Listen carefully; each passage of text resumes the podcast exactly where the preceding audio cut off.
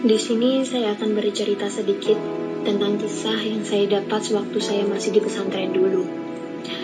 Ada cerita menarik yang sampai saat ini saya ingin selalu mengamalkannya. Ya, walaupun kadang sempat lupa juga sih. Nah, cerita ini berkisah saat guru saya menceritakan pengalaman pribadinya. Tapi sebelumnya saya akan mengenalkan bagaimana sosok beliau ini. Beliau adalah guru di pesantren saya dulu.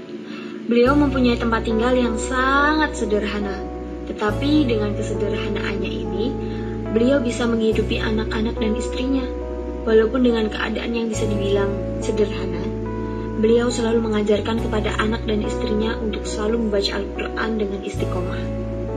Apalagi untuk mengamalkan surat Al-Waqiah sebanyak tiga kali sehari.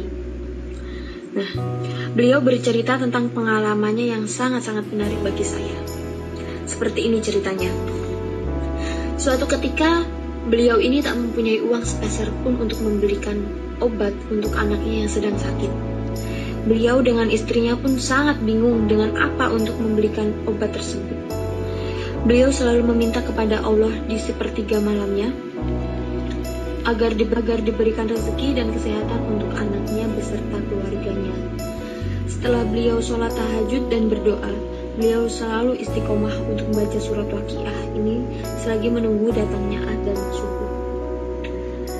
Singkat cerita, tiba-tiba ada tamu yang tak dikenal oleh guru saya ini. Datang kepada guru saya ini, atau dalam bahasa Jawanya, yaitu sowan kepada guru saya ini. Beliau mendengar bahwa guru saya ini adalah seseorang yang terkenal alimnya.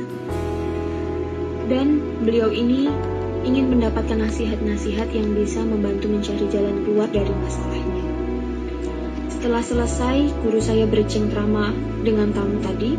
Subhanallah, beliau diberikan uang 2 juta dari tamu beliau yang tadinya belum kenal sama sekali dengan beliau. Dari sini, beliau mensyukuri dari bagaimana kebarokahan surat waqiah ini. Semua ini tentunya atas izin Allah Subhanahu wa taala. Saat beliau selesai menceritakan kisah menarik tersebut, beliau berpesan kepada saya, kalau kamu ingin dilancarkan segala urusan, rezeki, jodoh, atau hal apa pun itu, jangan lupakan membaca Quran. Jangan lupa baca surat waqiah tiga kali sehari. Itu adalah obat mujarab untuk didatangkan rezeki dari Allah Subhanahu wa Ta'ala.